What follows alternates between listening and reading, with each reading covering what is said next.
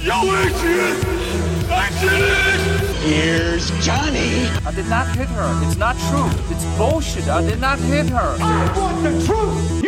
Can't handle the truth. Hej och välkomna ska ni vara till Cineastpodden. Podden där vi pratar om film. Filmer vi älskar, filmer vi hatar, filmer vi älskar att vi hatar och filmer vi hatar att vi älskar. Jag heter Andreas Barås och min gäst idag heter Kristin Vincent. Välkommen tillbaka. Tack så mycket. Du är ju en, du är ju en av våra, våra återkommande eh, gäster här. Jag blir alltid lika glad när vi, när vi spelar in för att man får sån energi för att du kan, du kan så mycket och det är så roligt och du är ju utbildad filmvetare dessutom så att eh, du kan säkert som, eh, saker som jag inte kan. Vilket är jättekul för jag är bara en, eh, jag fick det beskrivet av en lyssnare en eklektisk nörd var det någon som hade beskrivit mig som. Och jag tycker det är jättebra. Jag vill inte, jag vill inte vara filmkrönikan. Jag vill inte vara skitnödig. Jag vill, jag vill, jag vill prata om det jag älskar så mycket. Eh, eh, och på, på ett sätt som känns naturligt. Du menar att Men- bara ta med Nicolas Cage? bara bara prata om Nicolas Cage. Åh, men det, det, det kommer att komma för jag har nämligen sett två grymma filmer med honom på sistone nu. Han, Nicolas Cage kan jag ju, skulle jag kunna göra ett helt avsnitt om, bara om honom. Eh, mannen som är för en regissör som har spelat rysk roulette. Du kan, du kan få geni, Alltså du kan få guld, men du kan också få bajs. Eh, Okej, men idag så ska vi prata om någonting som, eh, vad ska vi säga, eh, a long time coming. Eh, helt enkelt. Eh, och något av, så, av dina kärleksprojekt, eh, eller projekt och projekt, men en av di- dina älsklingsfilmer vad jag förstått. Vi ska prata om Dirty Dancing. Eh, 80-talsfenomenet får jag väl ändå kalla det, tror jag. Eh, någonting som har, som har blivit både en klassiker och en kultfilm. Eh, från 1987 i regi av eh, Emil eh, Ardolino heter han. Det här var, också, jag kollade upp den här killen, vad har han gjort egentligen? Han har inte gjort jättemycket stora grejer. De, mest kända grejerna han har gjort var En värsting till syster. och eh, den här Three Men and a Baby. Eller Three Men and a- Little Girl tror jag han heter. Eh, med Tom Selleck och, och, och Ted Danson och de här. Mest känd för att det, det finns en rolig urban legend om den filmen, att det dyker upp, det finns ett spöke i den filmen. Eller folk påstår sig ha sett ett spöke från en död pojke som står bakom en gardin i en, det är en sån här typisk film urban legend. Eh, och i rollerna så ser vi då eh, 80-tals-hanken, eh, Patrick Swayze. Mest eh, känd eh, för mig från eh, eh den underskattade klassikern Point Break. Och eh, från eh, filmen som gav eh, lerdrejning, en då, ett dåligt rykte. Eh, Ghost! Dåligt rykte. Det är snar, men snarare typ att det, eh, folk bara strömmade in till kurserna. Ja, men, Alltså, vad jag, vad, vad jag menar, anmälan tusen.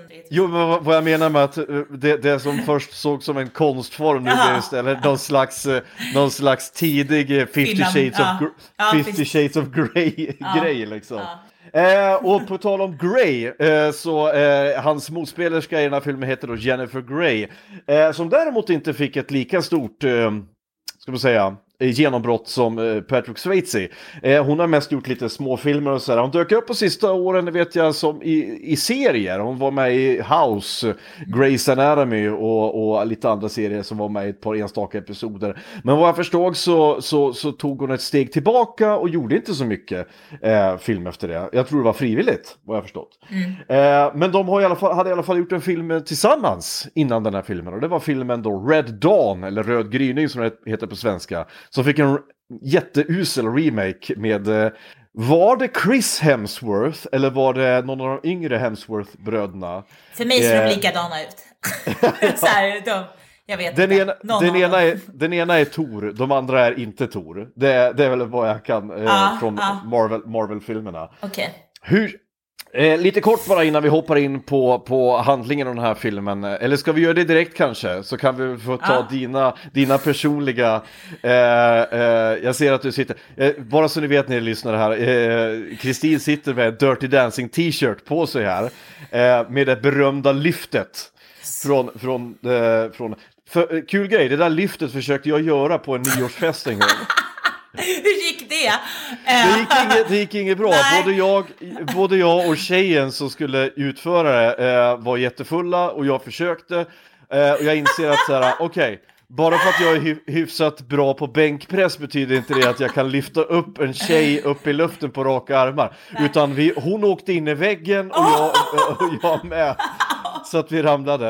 Eh, men det är det som är så bra när man är full, för då känner man inte så mycket. Så dans, dansar vi vidare bara. Ja. ja, men det är försöket liksom. Du hade säkert halva in, om inte... Ja, ja, ja, ja. Alltså, Det, ba, ba, bara det att jag kunde sjunga med i Time of Your Life eh, visar ju bara att jag hade ett eh, kulturellt kapital som inte många andra hade. Eller hur? Hur som helst, vi ska kasta oss in i filmen. Vi gör som vanligt, vi, vi, vi tar oss igenom handlingen från början till slut och stannar där vi behöver kommentera. Det är sommaren 1963.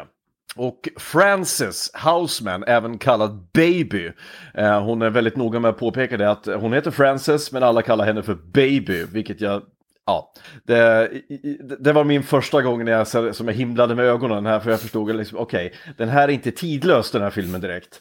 Eh, hon och sina föräldrar, eh, Jake och Marjorie, är, eh, och hennes äldre syster är då, eh, ska åka på semester på, en, på Kellermans, som är en sån där exklusiv resort, eh, kan man säga. Vad ska jag kalla det? Eh, En country club, är det en bra översättning? En, en sån här eh, semesterresort för väldigt rika människor, där man gör väldigt rika saker, som att man går danskurser, man spelar krocket, man, man äter tre rätters varje kväll och så vidare. Det, Ja. det, det känns jävligt tråkigt om Ja. jag ska vara helt ärlig. Inte ens om man är rik skulle man vilja åka dit. Eh, men, och det här ägs då av Jakes sarkastiska bästa vän Max. Eh, eh, och den här Max då, han förnedrar också arbetsklassens, eh, arbetarklassens eh, underhållningspersonal här. Det är väldigt liksom, alla som jobbar på den här resorten är, är väldigt så här, ja, fattiga eh, killar och tjejer som, som då får jävligt sunkiga så här, instruktioner av sin chef. Jag vet att det, det var det första jag, jag, jag, jag läste, man, att man får se då när ehm, alla de här arbetarklasspersonalen på den här, på den här eh, resorten, de har olika uppgifter. Serveringspersonal och så slash dansinstruktörer, slash golfinstruktörer, slash tennistränare, slash yogalärare, whatever. Och de får sig instruktioner som så här, uppvakta döttrarna, även de fula.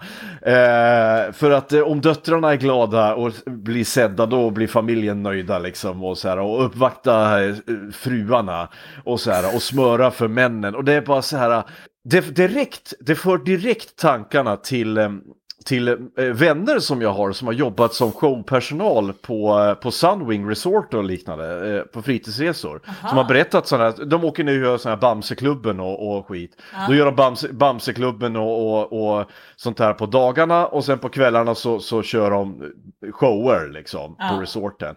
Och eh, en kompis med mig berättar ju att det är liksom Eh, det, det, är, det är fulla liksom fruar som, som, som, som raggar på honom hela tiden. Och må, i många fall liksom inför deras eh, män som, som sitter där. Ja, men Och de är också så fulla så att det är där, kanske... Ja, ja, och men liksom att eh, Nej, han sa att, ja, vi sa, och eh, de kände sig liksom eh, eh, ibland tvungna att, att ligga med de här kvinnorna bara för att Men liksom, åh, åh tvungna, ah, ja, ja, ja, ja, det låter ju väldigt... Ja, men för, för att de inte Ja, skulle jag få skit offrar och mig så här. Åh, Ja, men, men, för, Alltså. för, för, att, ja, men för att de här äh, kärringarna kunde ha, de kunde liksom anmäla till chefen annars liksom för att de hade ant- antastat dem.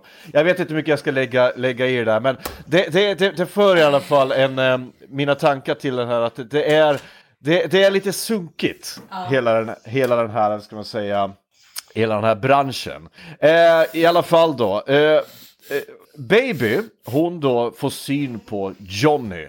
Eh, som är en av de här ser, eh, eh, serveringspersonalen då. Han då är ju, spelas av Patrick Swayze. Eh, och eh, han, vet du, hon, hon är lite uttråkad baby här vad jag förstår.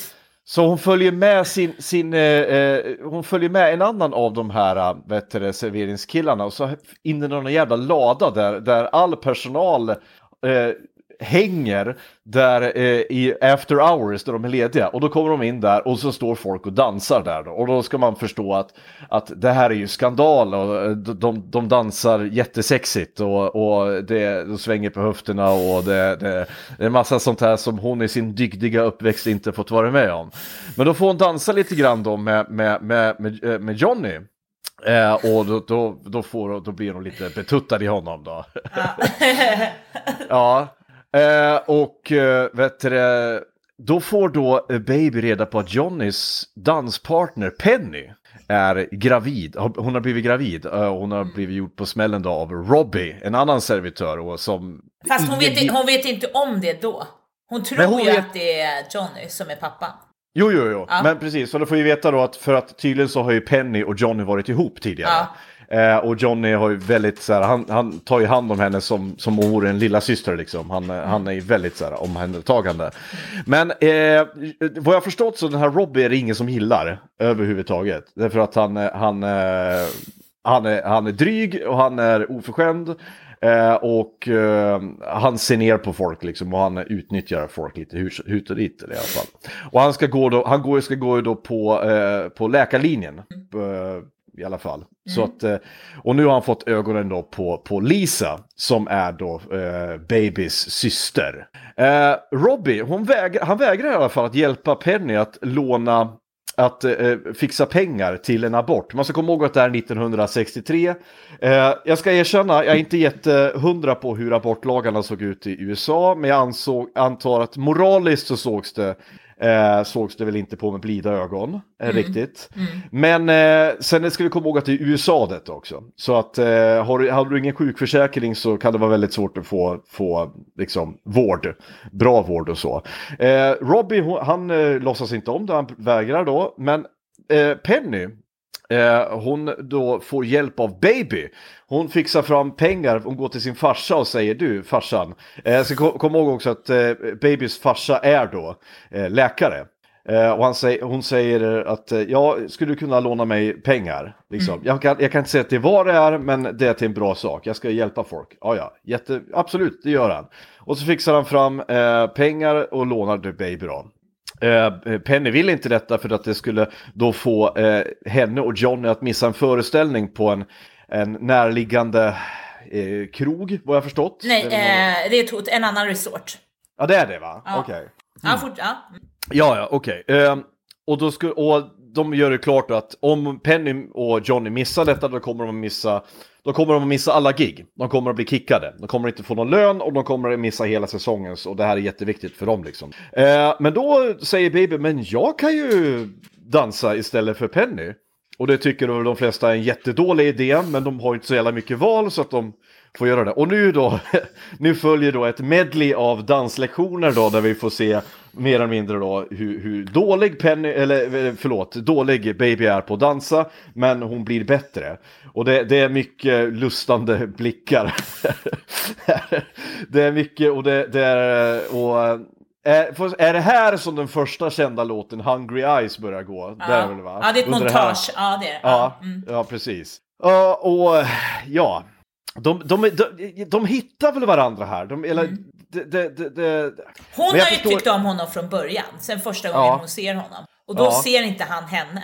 Så Nej. det är hon som är, men vi kan komma till det. Mm. Men, men, men ja, vi ska komma ihåg också här att Johnny är eh, liksom, han har väl förstått att han tycker att hon är söt liksom. Men han är... Han, inte han, intresserad, han är inte intresserad. Han är inte intresserad och framförallt så ser ju han henne som en ytterligare en jävla rik bortskämd ungjävel som, som är inte en, som de lever inte i samma värld och han har blivit blåst och utnyttjad så många gånger. Men han börjar ändå släppa lite på garden när han ser att hon är ändå snäll. Hon har ju ett hjärta som han aldrig har varit med om tidigare. I alla fall då. ehm, Penny, hon, eh, eh, den här aborten då, som hon, som hon utsätts för, den, den lyckas ju, men den får ju komplikationer. Ordentliga komplikationer, därför att det är någon jävla klåpare som mer eller mindre köper stålgalge i henne liksom och, och rumlar runt. Eh, och hon, är, hon blir jättesjuk, mer eller mindre döende vad jag har förstått av detta. Eh, och Baby hon springer direkt utan att tveka och hämtar sin pappa. Eh, och pappan, eh, han gör ju det en läkare ska göra. Han räddar livet på henne. Men han blir ju vansinnig på Baby. Dels för att hon ljög, dels för att han då... Han tror ju att det är Johnny som har gjort henne på smällen. Och vid det här laget tror, vet väl Baby sanningen va? Först, först, eh, att det inte är Johnny som... Eh, ja. Men, Ja, men det vet ju inte pappan. Nej. Han förutsätter ju att det var Johnny som gjorde Penny på smällen och han då beordrar då Baby att nu håller du dig undan från Johnny här i alla fall. Men eh, Baby hon ger sig inte, hon smyger iväg för att be Johnny om ursäkt för sin pappas behandling av honom. Men Johnny känner att han förtjänar ju det därför att han har en lägre status alltid. Han är ju bara en loser. Och han eh, det är ju, här är ju, tycker jag, en ganska bra scen när, när Johnny berättar liksom om många gånger han mer eller mindre fått sälja sin kropp liksom. För att få, han sa att det var en månad så levde han på godis för att han hade inte råd med det. Eh, och när jag se, fick se hans rum så tänkte jag så här, okej, jag har det ganska okej hemma. Liksom. Eh, jag, jag, jag har det ganska så här, jag har det ganska städat och bra. Eh, men jag fick också en så här Eh, väldigt farligt så här att jag började se mig som det här konstnärliga geniet som, som, eh, som eh, eh jag tänker, kommer, kan komma undan med att leva spartans bara för att jag, jag har ett kall livet liksom och så. Men i alla fall då så eh, Baby lyckas övertyga honom att nej, nej, du är värd mycket mer än så här. Du är, du är, en, du är en fin människa du också. Och nu så utvecklar de uh, en ömsesidig attraktion. Uh, förutom, ja, och förutom att de inte lyckats utföra det här lyftet i, i då det, det berömda lyftet i det här, den här dansen. Så lyckas de ändå utföra dansen och det, det går bra och de räddar sina jobb och så vidare. Eh, ja, men eh, nu så, men nu, nu så vet du, talar ju ändå Baby om att hon är kär i Johnny.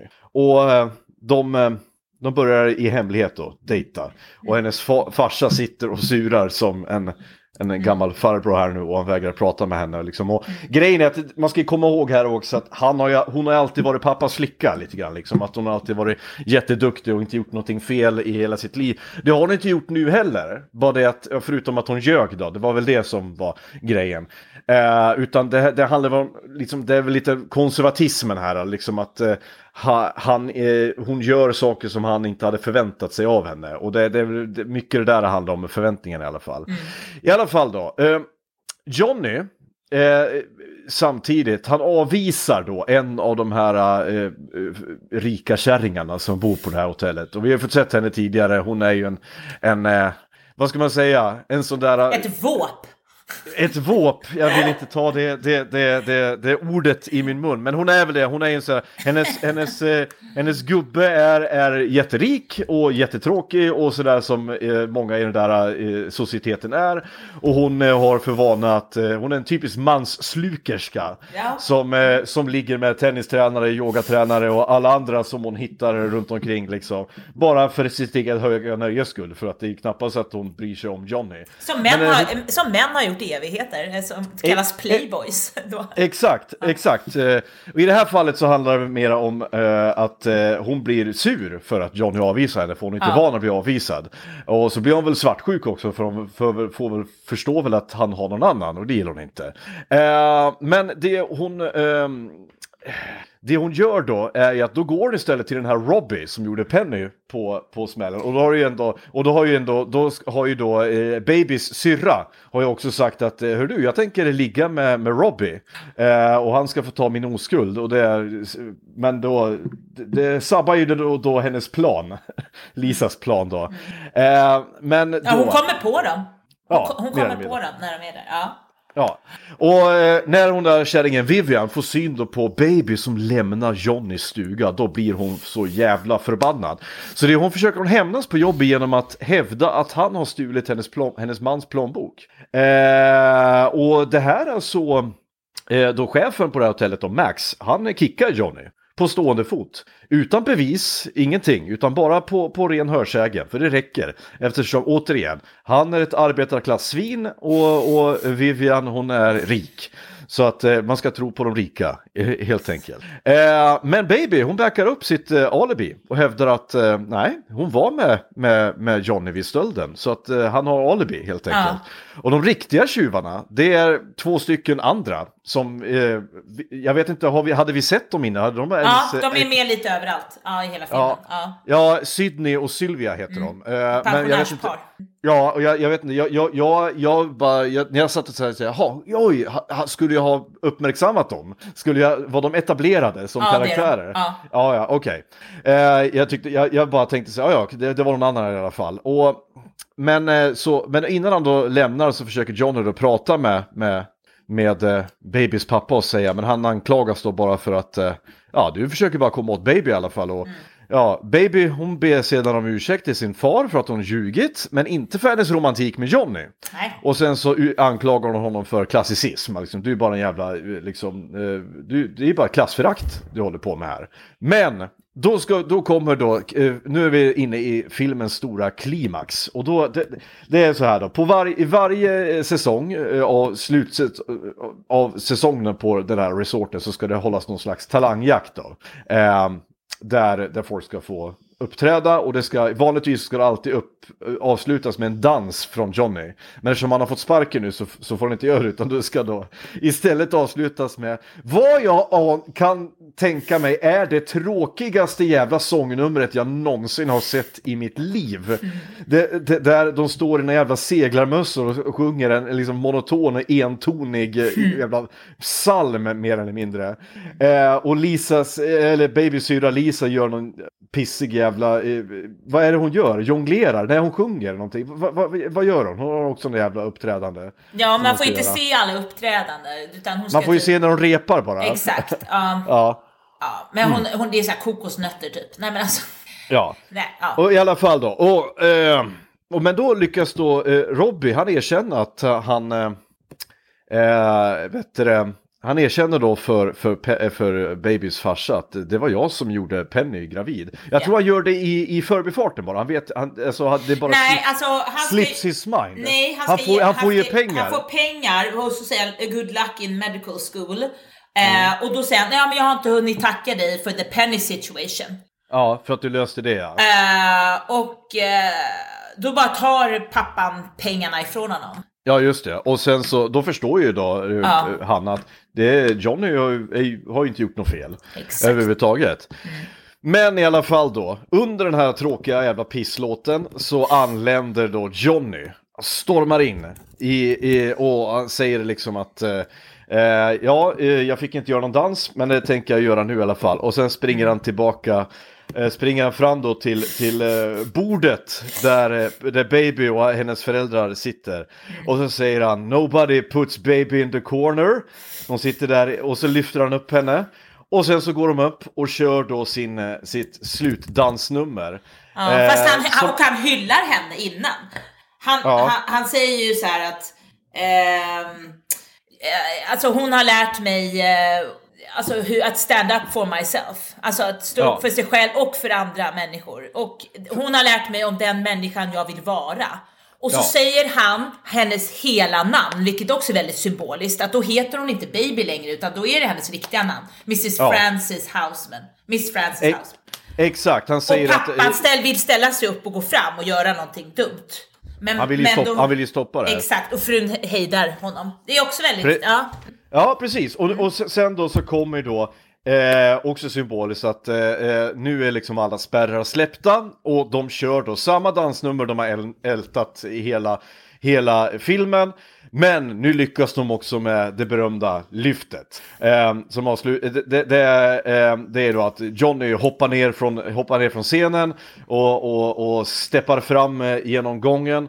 Eh, och liksom eh, vinkar till sig henne liksom, kör nu, kör nu. Och hon hoppar ner och springer mot honom, de gör Ja. lyftet ute i gången.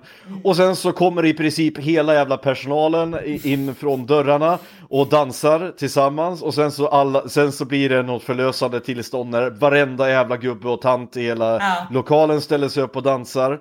Eh, eh, till och med mamman och pappan Ja. eh, blir glada av detta. Eh, och Och pappa Eh. kommer fram och erkänner att han har fel. Att han har haft Ja. fel och ber om ursäkt. Och börjar Jajamän. nästan gråta. Han säger “You looked wonderful out there”. Ja. Ah. Och, och, och, där, och där är det slut. Eh, jag, kan, jag kan säga så här innan vi drar igång på, på den här. Som sagt, de, den här filmen har ju jag sett eh, kanske fem gånger i mitt liv. Jag misstänker att du har sett den 25 gånger i ditt liv. 25 Minst i alla fall. 000 gånger. Eh, jag, minns när, jag minns när jag gick eh, eh, teaterskola och eh, tjejerna i klassen, det, det, var ju, det var ju bara, det var ju bara Dirty Dancing hela tiden, mer eller mindre. Eh, och så, så, så här, och jag, kan, jag kan ju aldrig, har ju aldrig liksom tyckt att det här är en dålig film, för det är inte, jag kan inte med gott samvete säga att det är en dålig film. För, um, utan jag tycker att det här är en bra film, den, char, den är charmig, eh, jag, jag mår bra när jag tittar på den, men jag har inte fått den där, den där eviga liksom, eh, besattheten av den. Eh, men jag kan förstå varför folk har fått den, för jag förstår ju också att den här har betytt otroligt mycket för, för människor. Och när jag såg den här nu, då föll det på plats. Då föll mycket på plats att detta är ju vad Kai Pollak försökte göra när han gjorde den där eh, så som i himmelen. Problemet är att Kai Pollak är inkompetent. Har ingen jävla aning om hur man sätter ihop en historia och hur man är, håller sig till en röd tråd och hur man, eh, kan, hur man vet hur man kill your darlings. Att inte låta varenda jävla sidokaraktär få en subplot. eh, för det är i princip det. Det, det, det är det, det, det jag, jag, jag måste erkänna att jag frustade lite grann genom, genom näsan när alla eh, reste sig upp och började dansa och det blev lite corny på slutet där. Att oh ja, okej, nu kommer de här och arbetarklassen kommer och för, förlöser, ehm, förlöser societeten och alla klasskillnader är sprängda och jada jada. Så, så enkelt är det ju inte, Nej, det fattar jag också. inte. Nej. Men, men det är ju det är ju en saga. Det är ju Mm. det jag menar. Och jag tycker, om, jag tycker om det jag ser. Att Mm. det är en, det är en charmig, eh, väldigt, väldigt ska jag säga, oförarglig. Eh, och, och, och oskyldig och, och, liksom saga. Ja, alltså i litteraturen så pratar man ju om eh, utvecklingsroman. Om en flicka som utvecklas till kvinna. Ja. Eh, till exempel som Moa Martinsons, eh, alltså Mor gifter sig, den boken. Men Ja. i, i, i den här filmen är det ju också det att Baby går ju från flicka till kvinna. Så Mm. jag, och där ser jag, jag förstår lite din koppling med Så som i himmelen, vad, man, vad han försökte göra där. Men eh, själva storyn är ju annorlunda. För det här handlar ju Ja. om en, en tjej, så, eller flicka och så en tjej och så, så blir en kvinna som bryter sig loss från sina föräldrar, framförallt sin pappa. Och patri- Ja. som i sin tur, tycker jag då, står för patriarkatet. Ja, oh ja. Och Johnny är också väldigt intressant, eh, den karaktären, därför att han är ju väldigt muskulös och mycket Ja. integritet och stark alltså, och egna Ja. åsikter. Men Ja. samtidigt otroligt känslig och osäker. Mm. Och sådana män väx, sådana karaktärer, alltså manliga karaktärer, växer inte på träd i, i sådana här inte- filmer. Och framförallt inte på 80-talet. Nej, precis. Ska vi komma ihåg. För Ja. det, här var ju också, det här var också tiden där liksom våra största filmhjältar var liksom... eh, Arnold Schwarzenegger. Ja, Arnold, eh, S- Stallone och allihopa. Antihjälteformen där med Bruce Willis i eh, Die Hard hade inte kommit Mm. Nej. förrän något år senare. Eh, så jag håller med dig där, för det tänkte jag också. Jag förstår varför så många kvinnor ble, och, och flickor blev så otroligt kär i Patrick Swayze Mm. där. Därför att han symboliserar ju allting som är bra. Mm. Han är otroligt attraktiv, han är ju snygg så in i helvete. Alltså han har ju inte en fettprocent på kroppen. Nej. Han är så, han är så vältränad att jag satt här liksom med min jävla dadbod och bara fan. Eh, och, samtidigt, och sen, är han, sen är han konstnärlig, han är känslig, han är Ja. poetisk, han ser henne. Ja. Han, han ser henne, han är dessutom underdog. Ja, exakt. ju, den, hela den grejen liksom. Och att han är, han är han, han delar alla de idealistiska, eh, vad ska man säga, Eh, för att inte, jag vill inte missförstå sig, men alla feminina drag. Mm. Det vill säga eh, just det här att han är mjuk. Han är eh, Mm. Känslig, omhänder, ja. kä- omhändertagande. Att det här att han kan bry sig om eh, Penny fast de, han är, hon är ett ex och att de Precis, absolut inte att- har någon Nej, sexuell, sexuell rel- relation, nej. Nej, och jag tycker att det är jävligt uppfriskande eh, att, att män kan ha en relation med en kvinna i en film utan att de för det... Eh, För att, för att ta Arnold, där finns väldigt bra eh, exempel på filmen eh, Dagisnuten, där han har en relation med sin, med sin kvinnliga poliskollega. Som man inte alls, de har ingen överhuvudtaget sexuell relation, det är inte en attraktion överhuvudtaget. De är bara kollegor, de är bara kompisar. Och det slutar inte med att de helt plötsligt på slutet, helt plötsligt från ingenstans blir kära i varandra. För det, det, det hatar jag, det är det värsta jag vet i filmen, när de- de helt plötsligt från ingenstans ska bli kära. Eh, men du menar på, eh, skulle du säga att det är, man använder sig av the hero's journey i den här filmen? Det, alltså, nej, jag skulle säga utvecklingsroman, men framförallt är det ju eh, som i, i feministisk filmteori så finns det en, Ja. en eh, person som heter Laura Mulway som har myntat det här begreppet eh, the male gaze. Och det är typ att den manliga eh, blicken är, är, alltså det är både den som Ja. filmar, den som tittar och eh, den som tittar i filmen. Så det är tre olika stadier. Men i den här filmen Yes. så är det ju framförallt en kvinna som kollar in mannen. Det är hon som kommer upp Ja. till stugan och säger om vi inte får ihop det nu så kommer jag ångra det i rest. Om jag inte säger det här till dig så kommer jag ångra det här Ja. resten av mitt liv liksom. Och det är hon Ja. som så här, och han bara står där och tittar på henne. Och sen säger hon igen, ja men nu får du dansa med mig. Och Ja. det, så det är hon liksom som driver fram allting hela tiden. Eh, Och han är ju objekt, men i, i den Ja. klassiska eh, objektifieringen av kvinnan i filmer Så, så förekommer inte den här, alltså det, är inte han, i den här filmen är det ju mannen som är objekt. Fast Ja, samtidigt så behandlar hon honom som en jämlike. Yes, yes. Eh, och det är helt exceptionellt, alltså från 1987, alltså det är därför kvin- jag såg den här första gången när jag var 11 år. Och jag var helt fascinerad, det är såhär pre-tonår, man Ja. är liksom inte i puberteten men man är, man är där, man börjar typ börja Ja. gå in på tonår. Så, men det var helt omvälvande att, Mm. att, att kvinnan inte var objekt utan hon är en karaktär. Eh, Mm. Jag tänker ja. också på det, det, det var intressant att du säger så för att eh, jag tänker på hur folk framställs i den här filmen för att jag tänker på alla kvinnor är ju väldigt anständigt klädda om man säger så eh, jämfört med männen. Mm. Det, männen, männen. det är männen som fram, precis som du säger framställs som sexiga. Det är uppknäppta skjortor, det är allt det där Fast, liksom. Allt, fast i montage-klippet, eh, du vet Ja. när de eh, dansar till Hungry Eyes, eh, då Ja. klär de mer och mer av sig. Han är ju typ svettig, först blir han, han har t-shirt, han blir svettig. Sen tar han av sig och han är bara överkropp. Och då tar hon också av sig, så det är jämställt. Hon har ju typ inte ens en crop top, alltså magtröja, utan den är, det är nästan bara bh till slut. Ja. Eh, men det är liksom dansen som är i fokus. Inte, Mm. sex, alltså inte, inte kroppen på något sätt. Utan det är Nej. det som händer mellan dem i dansen. Som är jätteintressant. Och han är ju Mm. inte intresserad. Det är då han säger this is my dance space and this is your dance space. You don't Mm. step into mine, I don't go into yours. Ja. Liksom. Så Nej, att- men det, är så, det är så kul att se också för att han, eh, att, ja men jag tycker om, jag gillar ändå, jag gillar, det jag gillar med den här filmen väldigt mycket, det är att, att, att kvinnan tillåts vara, att den kvinnliga eh, liksom karaktären här tillåts vara klumpig, hon tillåts vara, vara, vara fumlig, os, alltså, men det är ändå hon som tillåts vara, stå för, för, för den mora, moraliska Ja. eh, high grounden hon, är väl, hon är jättestark. Hon är mer stark än vad han är.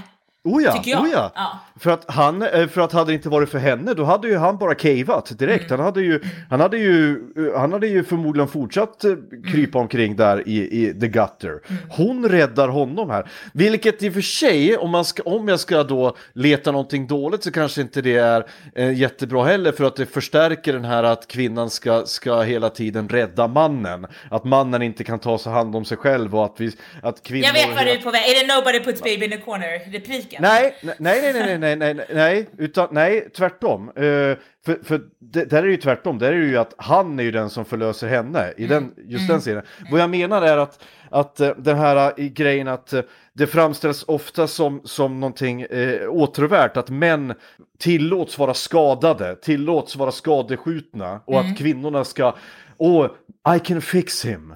I can... Den där grejen, förstår du vad jag menar?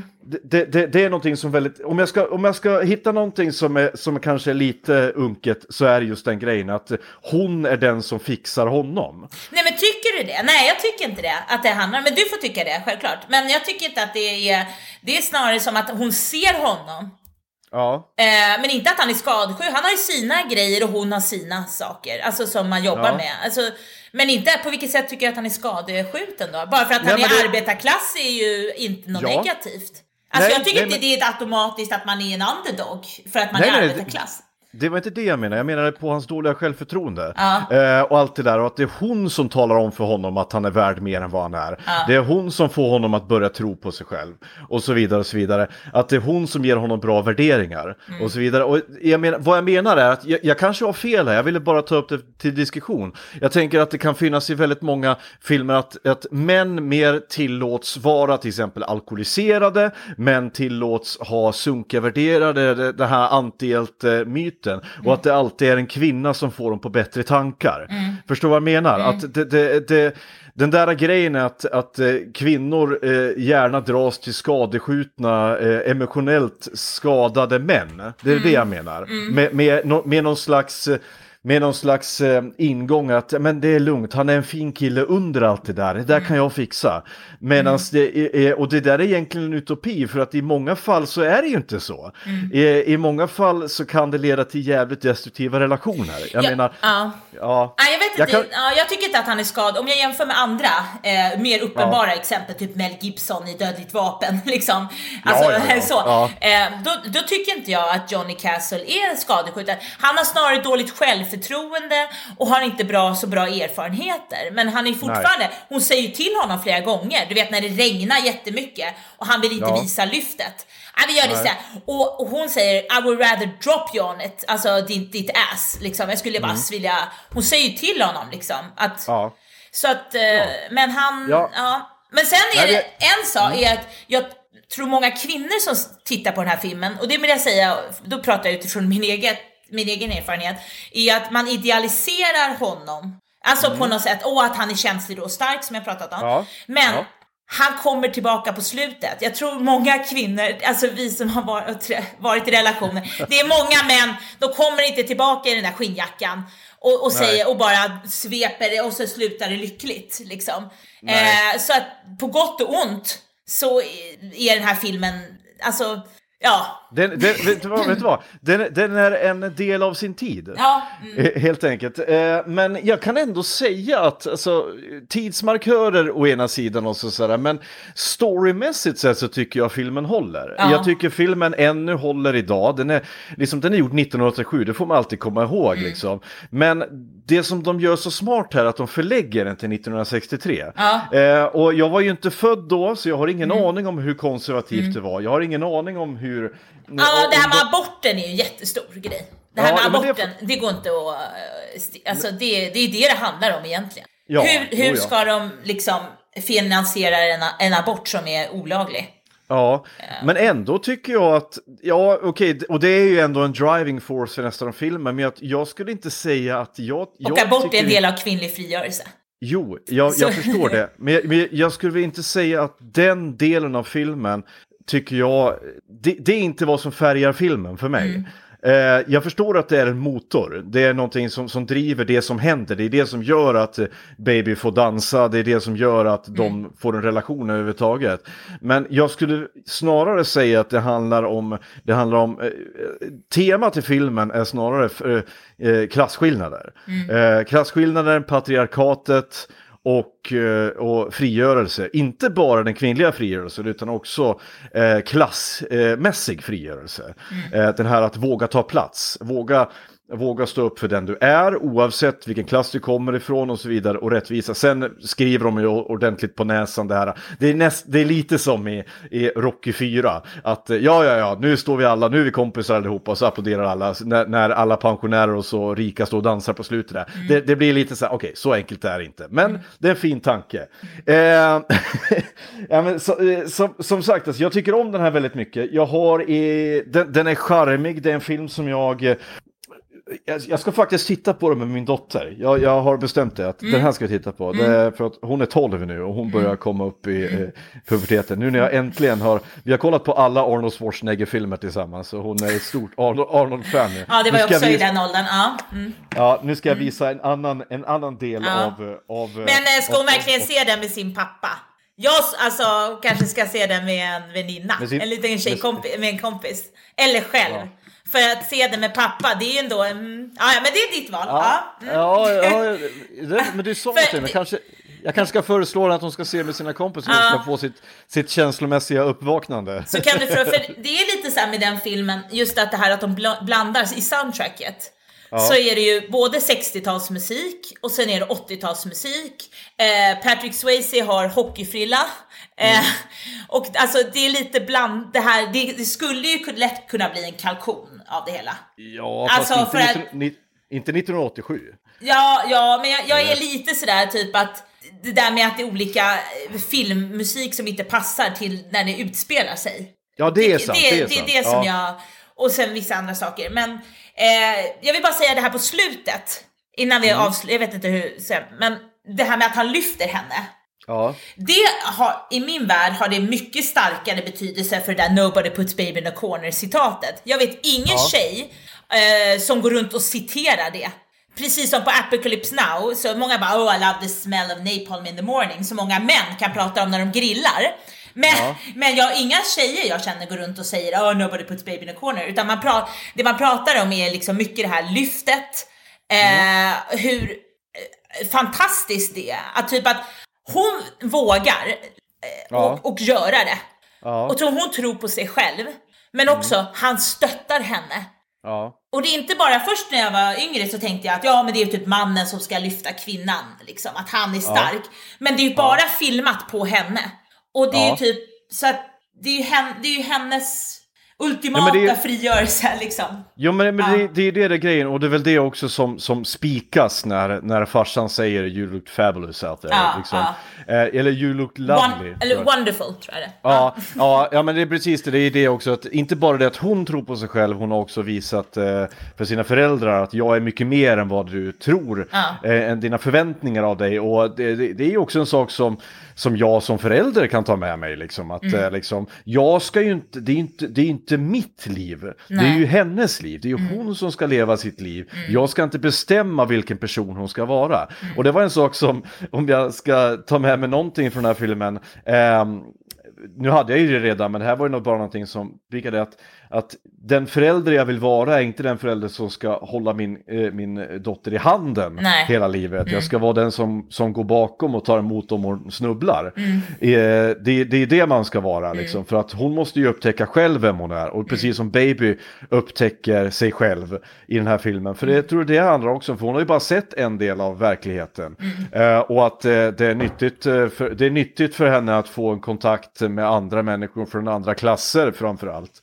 Eh, och det tror jag var extra viktigt på den här, på den här tiden när segregationen var mycket högre också. Men nu ska vi också komma ihåg att det var 1963, då var ju frihetsrörelsen i full blom också. Medborgarrättsrörelsen ja. ja. Ja, gud ja, det hände ju extremt mycket i USA på den här tiden. Så, eh, men du, innan vi går vidare här, eh, lite trivia, jag antar att du kan en hel del av den här filmen. Jag vet, det enda jag vet är att det här lyftet fick de ta om typ 20 Ja. gånger eller någonting Ja. på Han inspelningen. hade, hade, eh, eh, John, bara Patrick, Swayze, eh, Patrick hade ju skadat eh, sitt eh, knä eh, när de gjorde, du vet, mon, eh, eh, vid stocken.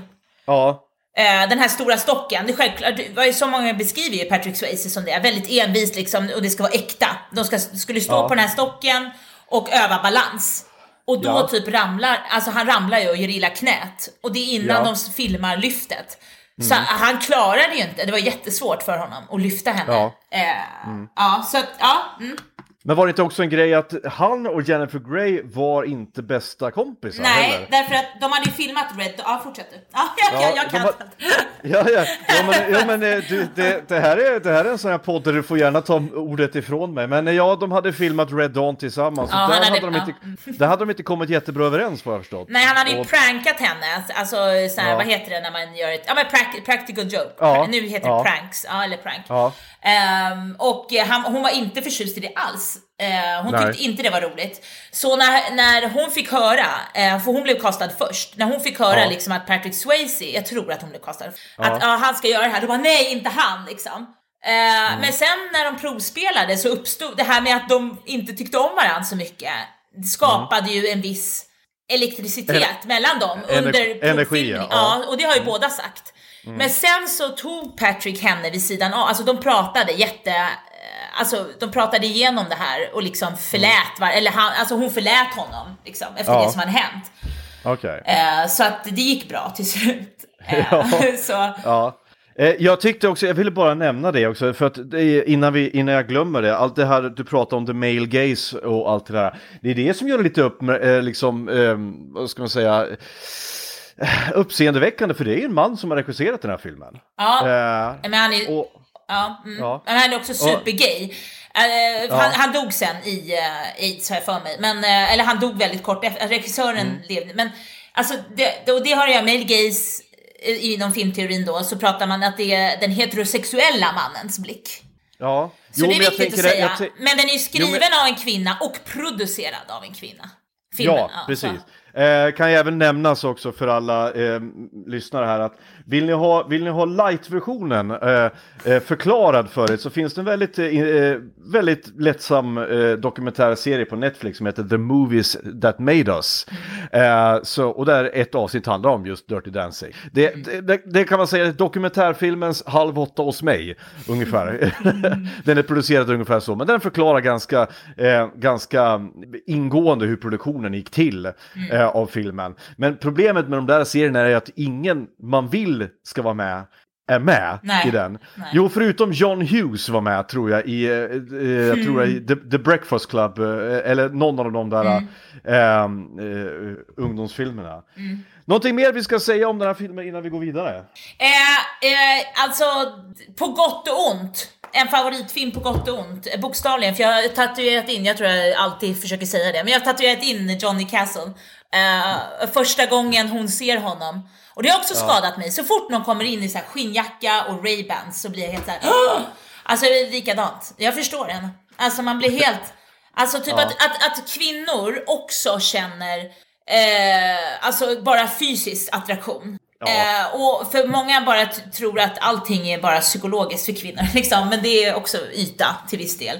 Men, det eh, ja, men den är alltså, på, det, det som är med den här filmen, alltså det är en tidlös klassiker. Ja, Det jag tycker ja. Mm. det. Har du, inte, har du som lyssnar inte sett Dirty Dancing, vilket jag inte tror, eftersom då skulle du inte lyssna på den här podden. Det känns som att min publik är den publiken som har sett klassikerna åtminstone. Men har du inte det, men, och, och du, du har alltid känt att ja, men den, den är nog ingenting för mig, ge den en chans. För jag, jag tror att du kommer att... Den är så pass oförarglig och så pass eh, charmig att eh, du kommer inte åtminstone tänk, känna att den har slösat bort din tid.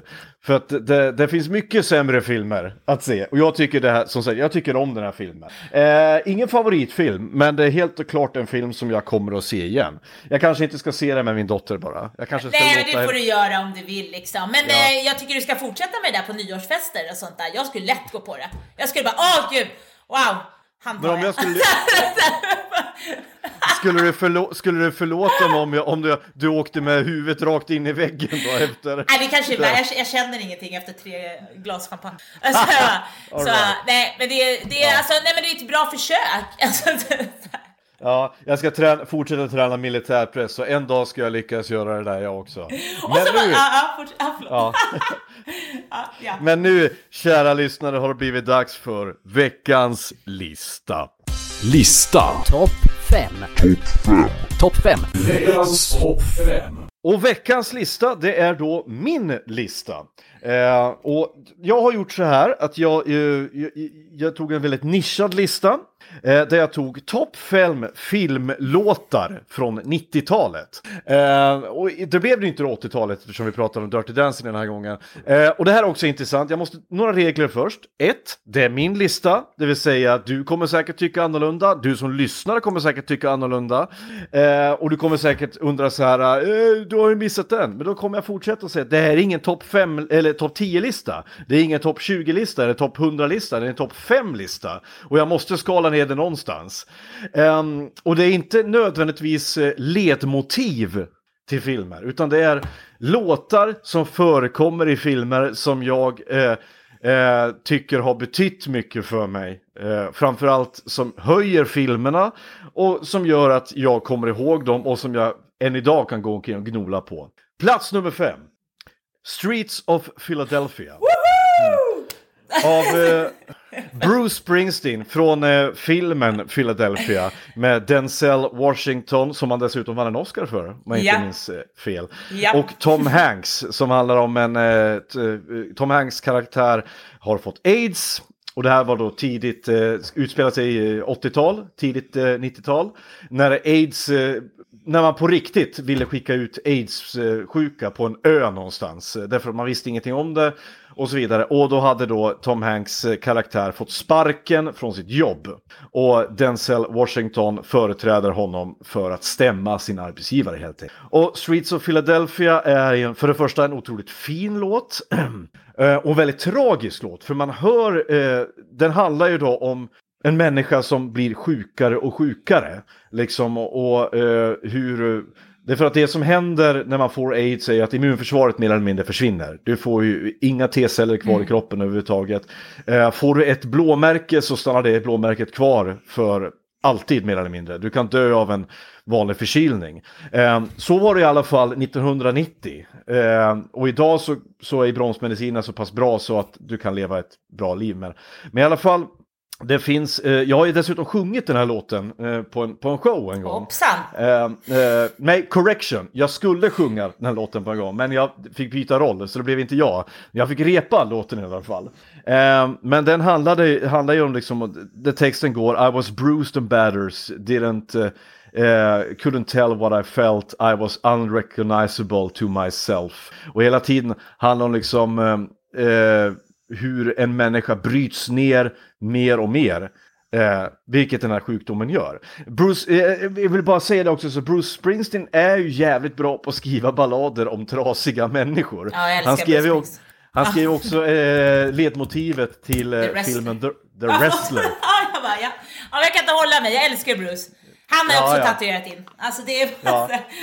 Eh, och det är samma sak där. Den, den låten, The Wrestler, handlar ju också om en människa som är, som är piss, nere på botten, går åt eh, eh, helvete. Så han är jävligt bra på att, eh, på att eh, vad ska man säga, representera de, de utslagna, de trasigaste Ja. av de trasiga. Eh, Alltså von oss! nej. Alltså- nej, men, nej, men det kan ju vara Ja. emotionellt också. Man behöver inte ligga på gatan för att bli deprimerad. Nej, det är det jag menar. Jag som själv har varit deprimerad och har varit i den där eh, ju- The Wrestler, den låten och den filmen för mig betyder otroligt mycket för att den eh, jag har själv varit i den situationen. Eh, även om jag då inte var en trasig wrestler. Jag är en trasig re- wrestler. Wrestler. Jag fick, ju slu- Wrestler, ja. jag, fick, jag, fick sluta, jag fick sluta med wrestling på grund av att min kropp gick sönder. Ja, Eh, ja.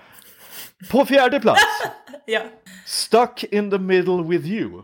Eh, Ja. från, från filmen Reservoir Dogs. Ehm, eh, kul grej, jag har ju spelat eh, den, den eh, eh, filmen som pjäs i Uppsala. Där jag dessutom spelade Mr. Blond.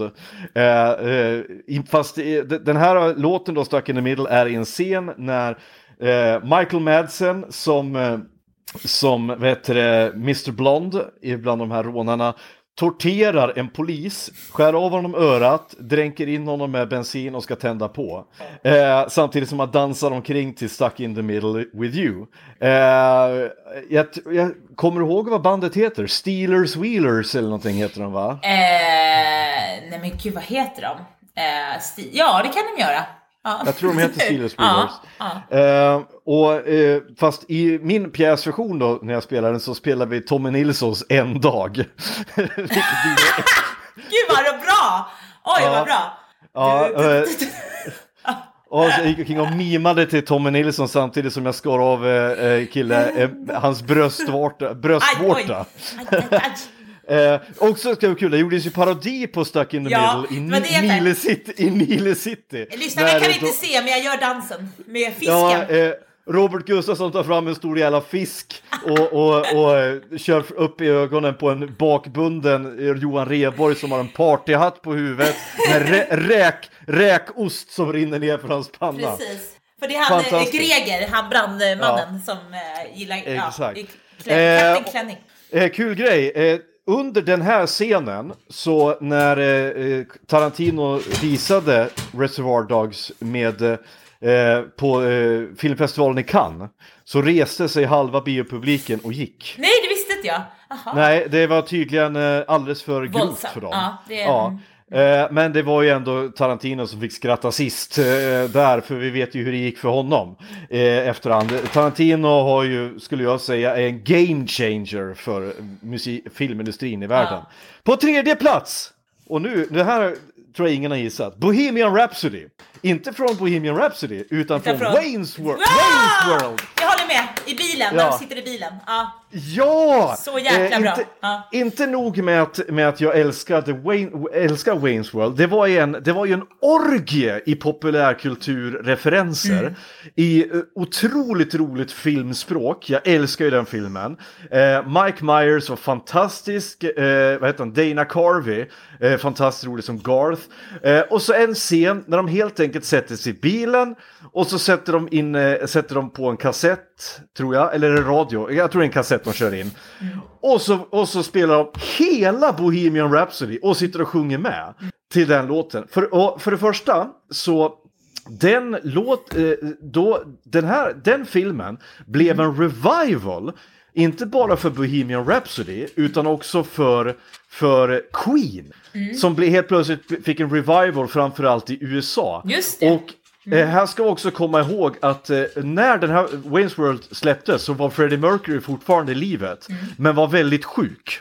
Han var ju sjuk i aids eh, då. Men han hade tydligen sett den filmen och eh, eh, hade tyckt den scenen var så fantastiskt rolig så han ringde upp, eh, jag tror att det var Dana Carvey eller någon, han, eh, han lät i alla fall hälsa att han, han gav filmen sin blessing, han älskar den för att den påminde så mycket om när han själv och hans kompisar och bandet, när Queen var unga åkte omkring i bilen på kvällarna och bara testade att sjunga stämmor tillsammans och hade roligt. Det it reminded him of the better days. Och Freddie Mercury ska ju en gång ha sagt att liksom Liksom att vad som än händer Eh, liksom, få inte någon att, eh, att minnas mig som tråkig.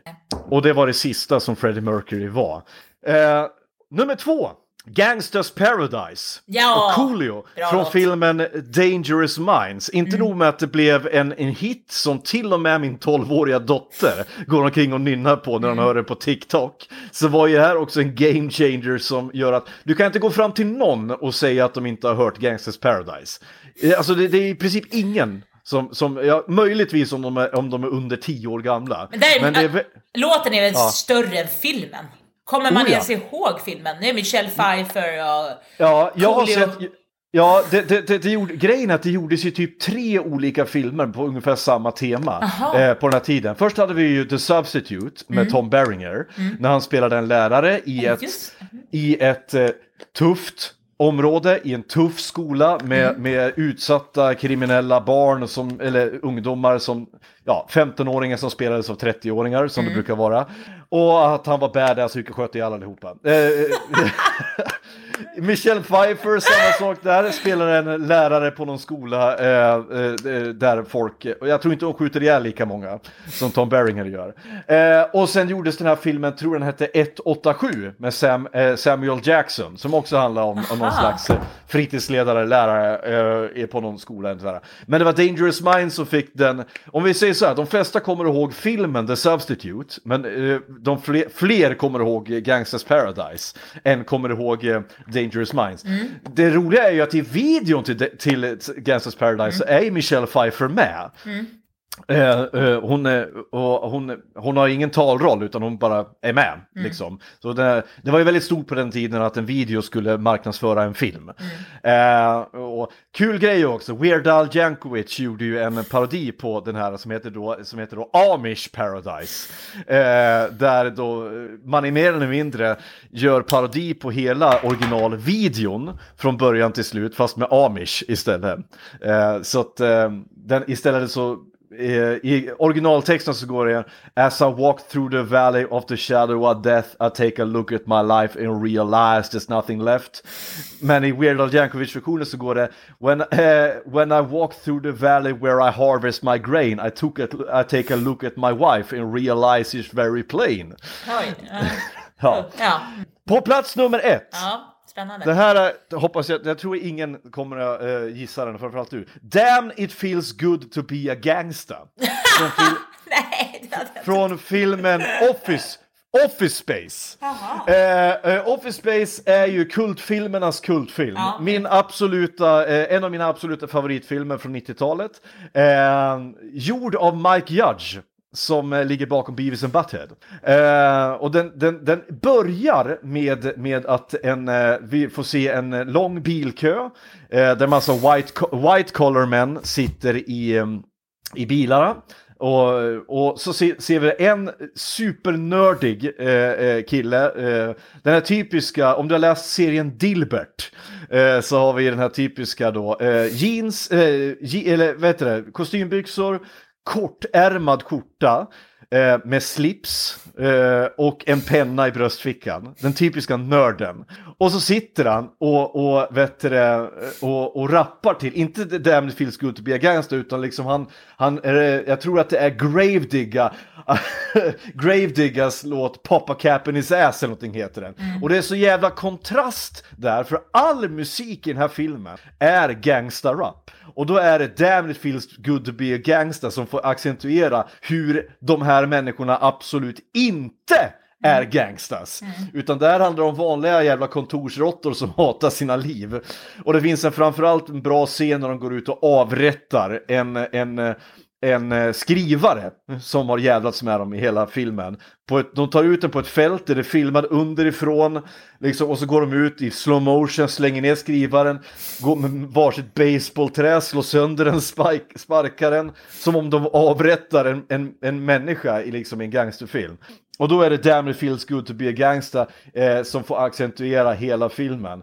Eh, och det kan jag säga, det är väl den som satt mest spår Ja. i mig av alla filmlåtar överhuvudtaget. Eh, för det är också ett uppvaknande av att, nu vänta ett tag nu, jag är ingen gangsta, men det blir så jävla roligt när jag sitter i min när jag satt i min Volvo eh, S60 på väg till mitt kontorsjobb i Göteborg och lyssnade på Damn it feels good to be a gangsta. nu ska jag bara åka och lämna barnet på dagis här. Fan vad gangsta jag är. nu stannar jag vid rött, jag är så jävla gangsta. Ja, mm. Ja, det är fantastiskt. Har du någon, eh, som, du, någon bubblare som jag inte har nämnt? Eh, Bara så här spontant. pr- eh, Purple Rain med Prince. Purple Rain, från filmen Purple Nej Rain. fan, det är ju 80-tal! Du kör ju 90-tal! Ja, 90-tal. Tusan! Jag har bara 80-talslåtar. Jag har typ Slave to Ja. Love med Brian Ferry, nio och en halv vecka. Det är också 80-tal, tror jag. Ja. Ja. Men Eh, en bubblare ja. jag glömde då kan jag säga, det är ju, eh, det är ju det mest cheesiga av alla. Det är ju Everything I Do I Do For You Åh, av Brian, nice. Brian, Brian Adams från Robin Ja, Hood, ja, Prince of ja. Thief. Okej, ja Den men är typ Wet Wet Wet eh, med I feel it in my fingers tycker jag, 90-tal. Klassiker. Från vilken vilken Från eh? Fyra bröllop och en begravning. Ja, just ja! I Fan. feel it in my... Det är så Ja. konstig låt! Alltså det är så här... Ja, men, jag kommer, men jag kan ju inte lyssna på den låten Nej. utan att tänka på Bill Nyes vision Ja, från, från i, eh, eh, Love actually. Som är så jävla... ja, ja, den är också helt, obe, ho, helt obegriplig. Helt obegriplig cover. Men det är Skitbra. det som gör det så jävla rolig. Att man får för sig att vi ska göra en jullåt av Feel it in my fingers. Kära lyssnare, vad har jag missat för filmlåtar från 90-talet? Skriv i kommentarerna, skicka mail, eh, vad som helst, ring, trakassera mig. Nej, jag kommer inte svara, men, men gör det ändå. Eh, detta har varit Cineastpodden. Vi har pratat om Dirty Dancing, vi har pratat om topp 5 eh, filmlåtar från 90-talet. Eh, vill du önska en film som jag ska prata om? Då får du göra det. Men först måste du bli Patreon och stötta mig och podden i, så att vi kan så att jag slipper vara så jävla ledsen hela tiden. För att det kostar så jävla mycket pengar att bjuda på fika. Eh, och så vidare. Eh, tack så hemskt mycket eh, Kristin Vincent för att du återigen tog dig tid. Vi kommer säkert att höras igen framöver. Ha det så bra nu allihopa. Hej då! Hej då! did it! Here's Johnny. I did not hit her. It's not true. It's bullshit. I did not hit her. I want the truth! You can't handle the truth!